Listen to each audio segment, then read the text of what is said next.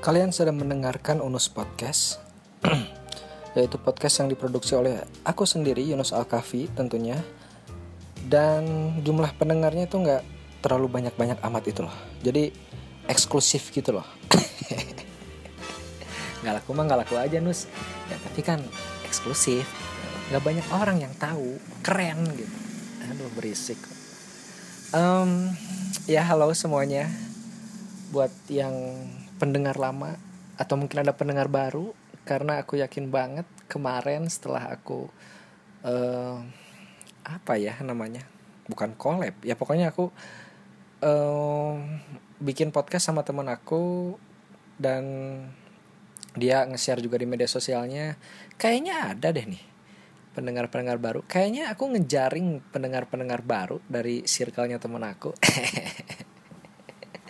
Selamat datang yang baru datang, eh ya yang baru dengar. Eh, salam kenal, saya Yunus Akafi. Hmm, dan apa?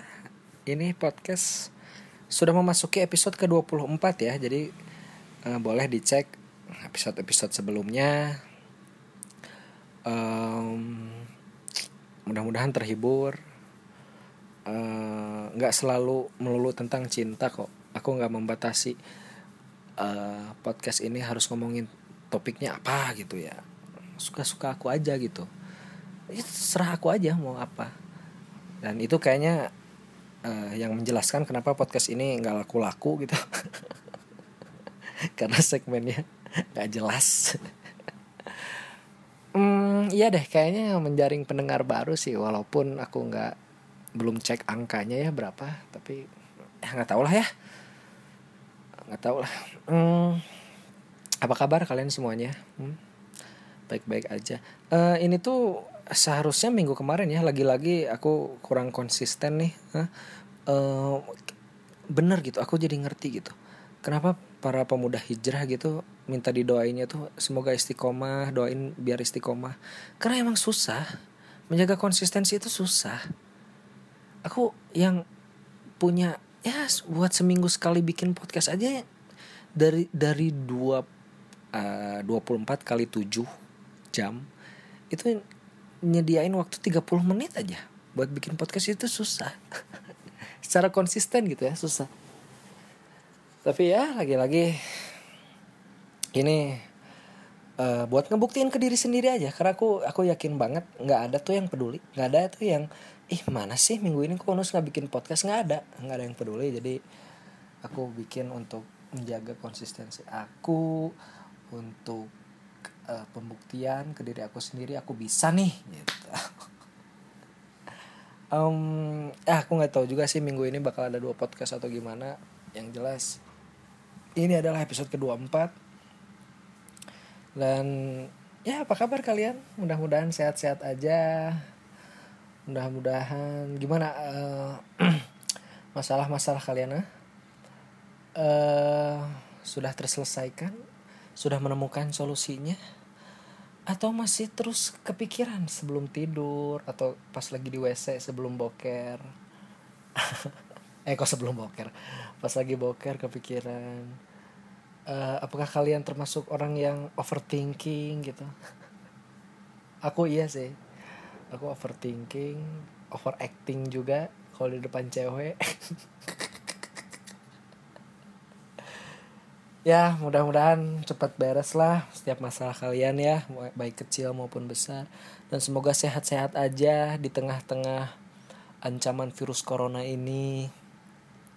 Yang ya jadi momok lah ya momok yang menakutkan gitu virus corona itu. Dan ini tuh nggak kali pertama ya aku aku ngelihatnya um, gimana ya bukan bukan maksud meremehkan bukan maksud untuk uh, tidak sopan gitu ya karena bukan bermaksud untuk tidak berempati kepada para korban tapi ya ya udah sih gitu maksudnya ini bukan kali pertama. Ini corona ini virus virus yang membahayakan dan mengancam hampir seluruh dunia ini nggak yang pertama gitu. Kemarin-kemarin ada flu burung ada SARS. Dan aku prediksi ini ya bakal kayak itu aja gitu. Ya hanya awal-awal doang lah rame nanti juga udah beres. Karena yang terpen- terpenting buat aku ada ataupun tidak ada corona jaga kesehatan mah penting menjaga. Iya gak sih? Iya dong. Ya mau nggak nanti setelah nggak apa sekarang lagi ada corona wah kita jadi insecure sama kesehatan kita. Nah jangan sampai pas corona udah turun gitu maksudnya popularitas corona udah nggak ada udah nggak ribut-ribut lagi di media kita jadi acuh tak acuh lagi sama kesehatan tuh nggak gitu juga gitu.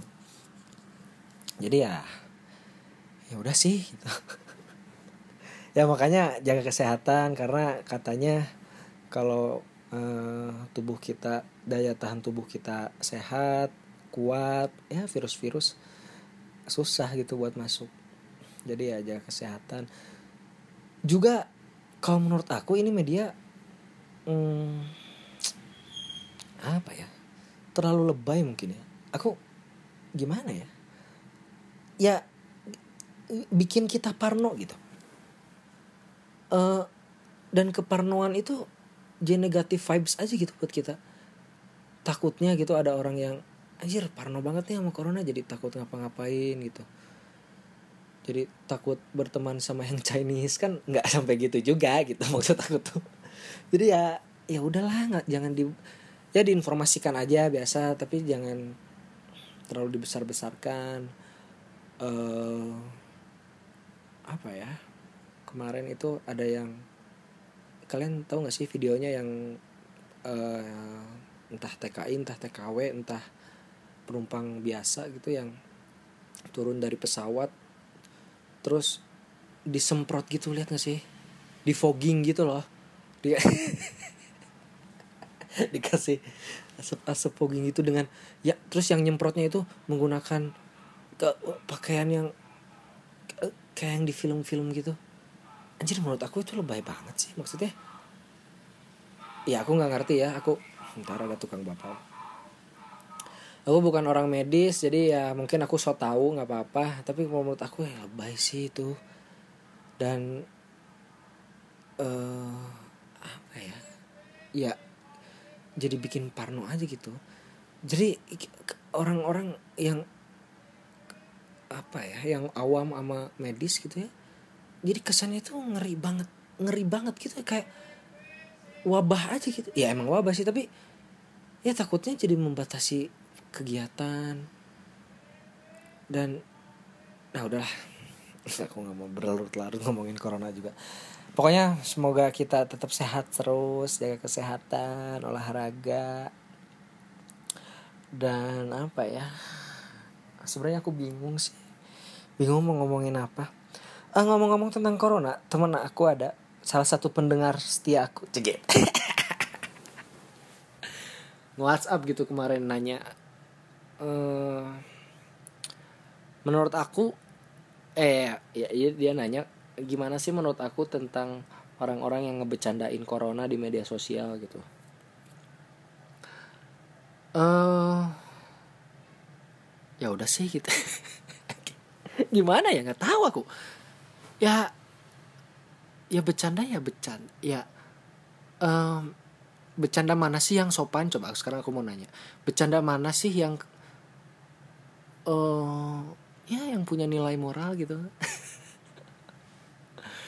Itu ya mm, setiap bercandaan itu kan oh punya potensi untuk bikin orang tersinggung ya dan ya sebagai orang yang suka bercanda aku juga ngerasain gitu.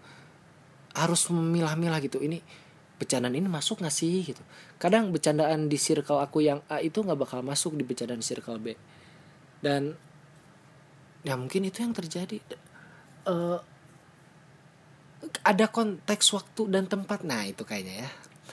Eh, kayak yang udah pernah aku bahas di episode-episode sebelumnya gitu komunikasi itu terjadi dalam konteks ruang dan waktu. Sebenarnya bercandanya emang ada yang salah gitu ya tapi mungkin waktu dan tempatnya aja yang kurang pas aja gitu. Apalagi di media sosial kan media sosial kan kita nggak bisa ngontrol gitu siapa yang ngelihat eh, bercandaan kita siapa yang bisa uh, mengakses media sosial kita apalagi kalau nggak digembok gitu ya nggak di private. Jadi kalau ada yang tersinggung ya ya wajar wajar aja. Maksudnya nah itu kan dari si yang bikin bercandaannya ya. Nah pun sebaliknya orang yang mengkonsumsi bercandaan itu juga jangan terlalu baper lah. Maksudnya toh itu kan bercandaan gitu. Perkara itu lucu nggak lucu ya menurut kalian nggak lucu tapi mungkin ada menurut orang lain lucu dan selera sih ya humor mah ya. Sama kayak cantik atau jelek ya selera sih relatif gitu dan juga bercanda itu kan uh, maksud orang bercanda kan intensinya bikin bikin orang ketawa gitu ya. Kalau emang mau yang bermoral moral atau yang baik-baik aja mah ya baca aja buku PPKN atau baca artikel-artikel keagamaan mungkin. Dan dan dan dan dan itu pilihan kan. Maksudnya pilihan lu lu mau baca mau enggak ya? Misalnya kurang enak dibaca ya udah nggak usah dibaca gitu. Ya jadi di, di, di apa kontrolnya itu ada di diri masing-masing sih baik itu yang ngebecandanya maupun orang yang konsumsi bercandaannya gitu. Nah yang yang jadi masalah buat aku bukan yang bercandanya sih. Um, walaupun menurut aku mungkin kalau bercandanya kelewatan kurang tepat gitu kalau di apa di sharenya atau diaplikasikannya di media sosial gitu. Karena kan ya itu dia tadi uh, sangat ho, apa sangat heterogen gitu ya orang-orang yang bisa ngakses media sosial itu. Nah yang jadi yang ngeganggu aku mah itu para para SJW-nya itu loh yang social justice wak wak wak wak, wak gitu. Tahu nggak sih? Yang ya para netizen yang komen-komen dengan kebijakannya gitu. Gak tau orang-orang itu jadi kayak berlomba-lomba untuk sebijak mungkin.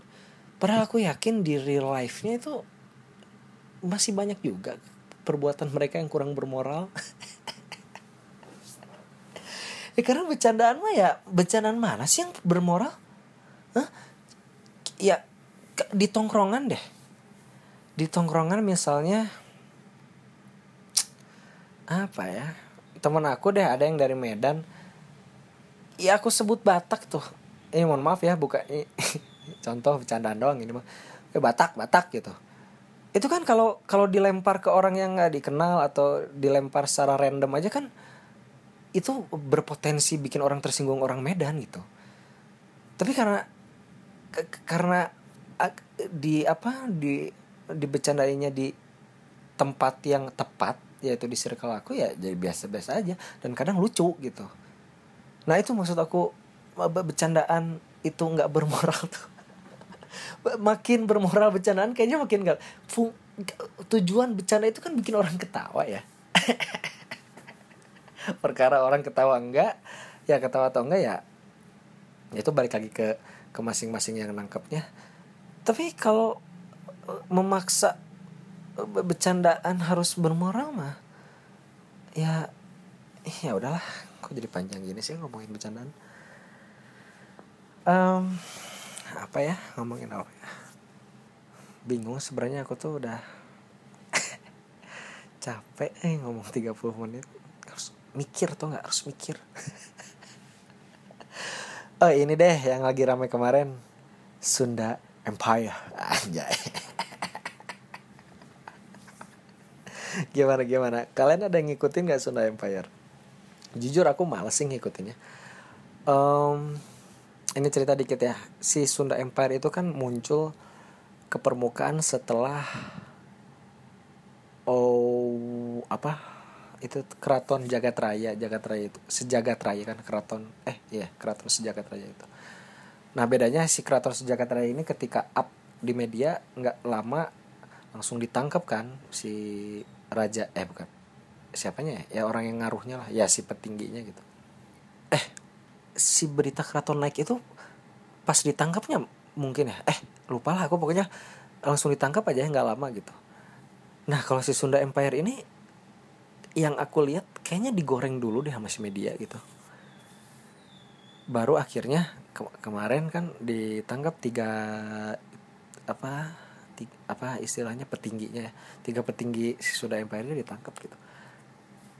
Dan eh, kok kok nggak langsung ditangkap sih gitu? Maksudnya ya aku orang awam dihukum gitu ya. Nggak tahu mungkin. Dari kesoktahuan aku kok ini nggak langsung ditangkap sih? Nggak kayak nggak kayak si keraton jagat raya. Si, si keraton di apa si keraton jagat raya ditangkap kan karena diduga atau mungkin terbukti telah menyebarkan uh, kebohongan dan membuat uh, keresahan di masyarakat. Nah si Sunda Empire kan dengan digoreng sama media ditampilin terus di media bukankah itu jadi jadi apa ya? Jadi melicinkan melicinkan si Rangga eh Rangga ya? Ya melicinkan si Rangga untuk menyebarkan kebohongan dan meresahkan masyarakat. Hah? kenapa harus digoreng dulu sih? Harus dimasukin ke media dulu diangkat dulu dibahas dulu masuk ILC malah tapi ya jadi males aja gitu. Karena aku ngelihatnya malu sendiri. Malu loh bener. Ini kan aku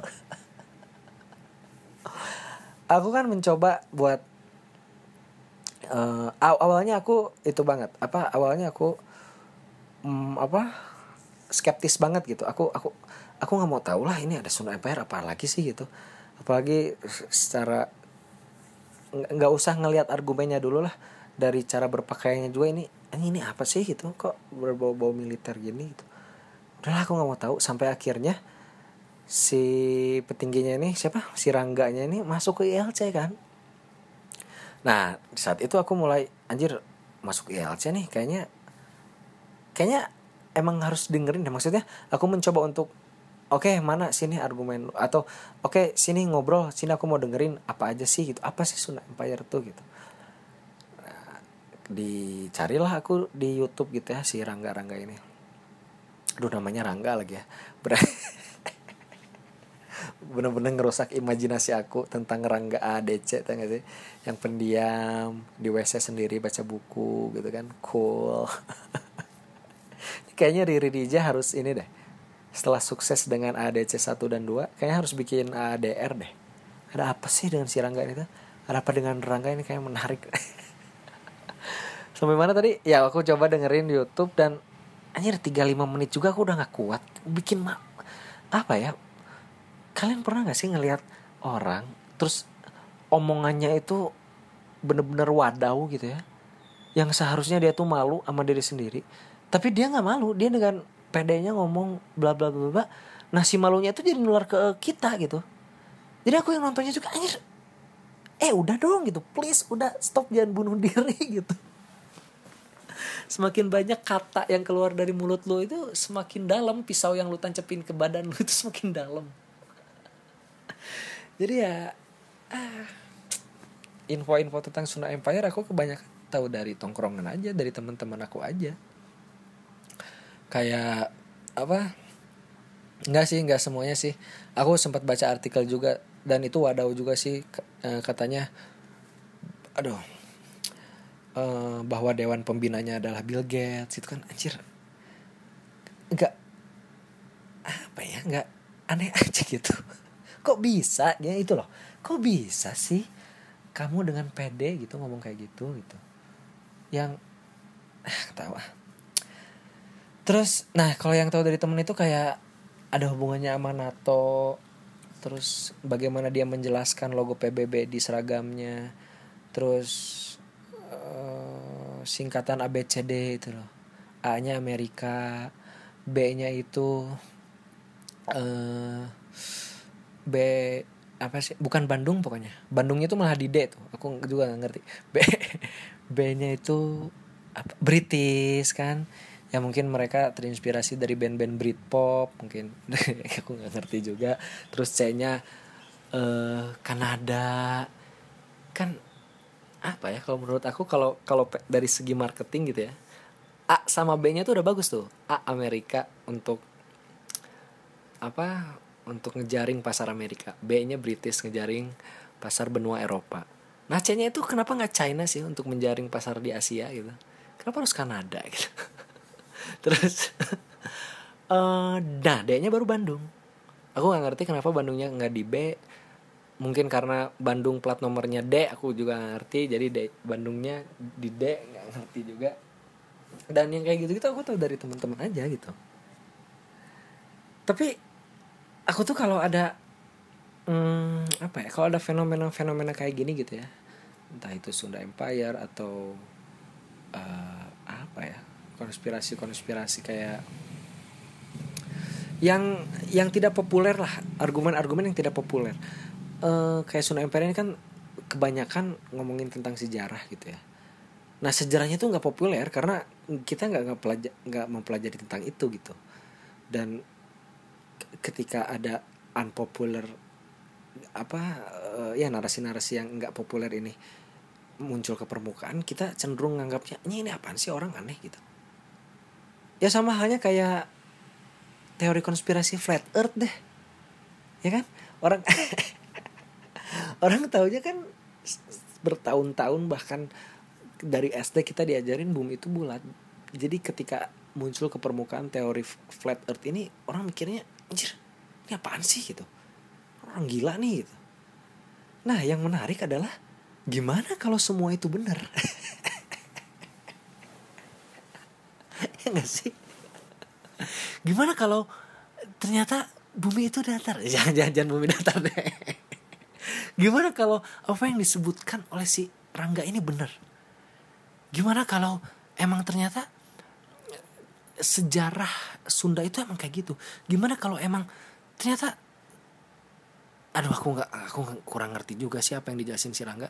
Ya pokoknya gimana kalau yang di sejarah yang dipercayai dan disampaikan oleh si Rangga ini sebenarnya itu realitanya gitu tapi dicoba ditutup-tutupi sama sama siapa pun yang punya kepentingan gitu. Kayak um, ya kita tahu lah ya 30 hampir 30 tahun lebih Indonesia itu dipimpin oleh seorang uh, otoriter gitu ya di mana semua akses informasi ditutup uh, semua informasi bisa dimanipulasi. Uh, ya gimana kalau gitu gitu? Gimana kalau ternyata sejarah itu memang gitu adanya tapi dicoba ditutup-tutupi untuk kepentingan tertentu? Karena ya kayak gimana ya? Kayak gaya eh gaya kayak um, G30 SPKI deh itu kan jadi ada dua versi. Atau super semar deh. Atau apa pun itulah yang kontroversi gitu. Yang yang yang banyak teori konspirasinya gitu. Dan uh, yang kayak gitu tuh ya aku udah ada di tahap ya ya mau benar mau salah ya ya bodoh amat lah gitu maksudnya mau Sira nggak benar mau Sira nggak salah yang penting mah aku harus tetap nyelesain kuliah aku. Harus harus harus mikirin. Karena mau itu benar mau salah tuh nggak ngaruh juga ke karir aku gitu. Ke ke perkuliahan aku ke nggak nggak nggak jadi ketika Sira nggak benar dan aku percaya itu benar nggak jadi tesis aku tiba-tiba beres enggak gitu. Nggak jadi ketika si flat earth ketika si earth itu ternyata benar ternyata bumi ini datar ya nggak mem, nggak membatalkan semua kewajiban aku untuk menyelesaikan kuliah untuk ya bla bla bla bla bla gitu. Cuman kalaupun itu benar ya menurut aku uh, yang menyampaikannya salah sih mungkin. Maksudnya entah itu cara penyampaian sirangganya atau justru sirangganya itu sendiri salah. Maksudnya siapa sih lu Rangga gitu? Lu nggak punya kredibilitas dalam ngomongin sejarah gitu. Mungkin akan beda gitu kalau yang ngomongnya budayawan atau mungkin hmm, atau gini deh aku kemarin-kemarin nonton uh, YouTube-nya Soleh Solehun. Itu kan ngomongin eh apa uh, bintang tamunya atau Soleh Solehunnya uh, interview uh, Budi Dalton. Beliau kan ya emang dikenalnya sebagai budayawan gitu ya Nah, kalau Budi Dalton yang ngomongnya mah aku percaya-percaya aja gitu. Budi Dalton ngeliatin foto-foto tentang ya ya pokoknya kontennya ngomongin tentang Sunda, tentang hmm, kebudayaan apa sih kebudayaan itu budaya itu berasal dari kata Buddha dan ya ayana atau apa gitu lupa terus uh, dulu itu uh, hub ada apa sih hubungan tentang orang dulu gitu ya orang uh, ya kebanyakan atau sebagian besar orang di Pulau Jawa dengan uh, orang di Belanda itu ada apa sih? Karena ditemukan bukti-bukti bla bla bla bla bla. Terus sampai uh, Budi Dalton bilang kalau menara Eiffel di Prancis itu awalnya itu adanya di di Jawa, di Jawa gitu di Jawa Barat di daerah mana gitu. Karena ditemukan gitu ada foto bangunan yang sangat sangat mirip dengan menara Eiffel cuman mungkin hmm, apa besarnya aja lebih kecil. Uh, dan itu foto jauh sebelum uh, apa menara Eiffel dibangun gitu. Jadi ada ya diprediksi ada hubungan apa sih gitu. Nah Budi Datonya ngomongnya mah aku menarik aja seru aja gitu. Oh iya iya bener dipercaya gitu. Nah ini karena Rangga yang bilang. Jadi kurang eh apaan sih lu? gitu. Ngerti gak sih? Karena kredibilitas itu penting ya. Uh, itu menjelaskan itu makanya gitu kenapa kalau seminar-seminar sebelum seminarnya dimulai para uh, narasumbernya dikasih tahu gitu bahwa uh, gelarnya adalah ini beliau punya pengalaman uh, sekian tahun di bidang bla bla bla bla bla terus pengalaman uh, di bidang ini bla bla bla itu itu itu untuk menaikkan kredibilitas gitu. Jadi si audiens yang ngedengernya juga percaya karena ya toh dia emang uh, ahli di bidang itu karena sebelumnya udah disebutin gitu. Dan ini Rangga kan tiba-tiba muncul dengan pakaian angkatan angkatan apa tuh? Laut darat. Gini nih podcaster miskin ngerekamnya di HP jadi pas ada telepon harusnya aku matiin dulu ya sinyalnya sampai mana tadi kita ya apa sih? Rangga ya? Iya nggak ada kredibilitasnya gitu. Jadi ya sayang banget gitu kalau ternyata emang karena gini loh. Um, kan si Rangga ini nggak sendiri gitu ya. Maksudnya kalau dilihat dari dokumentasinya gitu ya udah banyak pengikut apa ya istilahnya pengikutnya atau apalah. Ya orang-orang yang tergabung dalam Sunda Empire, Empire ini banyak gitu ya mungkin mereka bisa bisa gabung karena di mata mereka Rangga punya kredibilitas gitu. Dan ya nggak gimana ya maksudnya pasti ada ada hal yang bikin mereka tuh bisa percaya gitu. Dan ya ngeri aja gitu kalau ternyata emang itu tuh bener. Bukan ngeri sih maksudnya anjing sayang banget untuk dilewatkan kalau ternyata itu benar gitu. Udah ini beberapa menit sih? Ntar. Udah udah hampir setengah jam kayaknya nih. Aduh gara-gara ada telepon tadi sih. Udah ya aku mau ini nih mau ngelanjutin tesis aku cegit. Soalnya aku belakangan ini punya penyemangat baru sih. Punya ada cahaya baru nih yang bikin aku semangat nesis uh, adalah dosen pembimbing ketiga aku nih.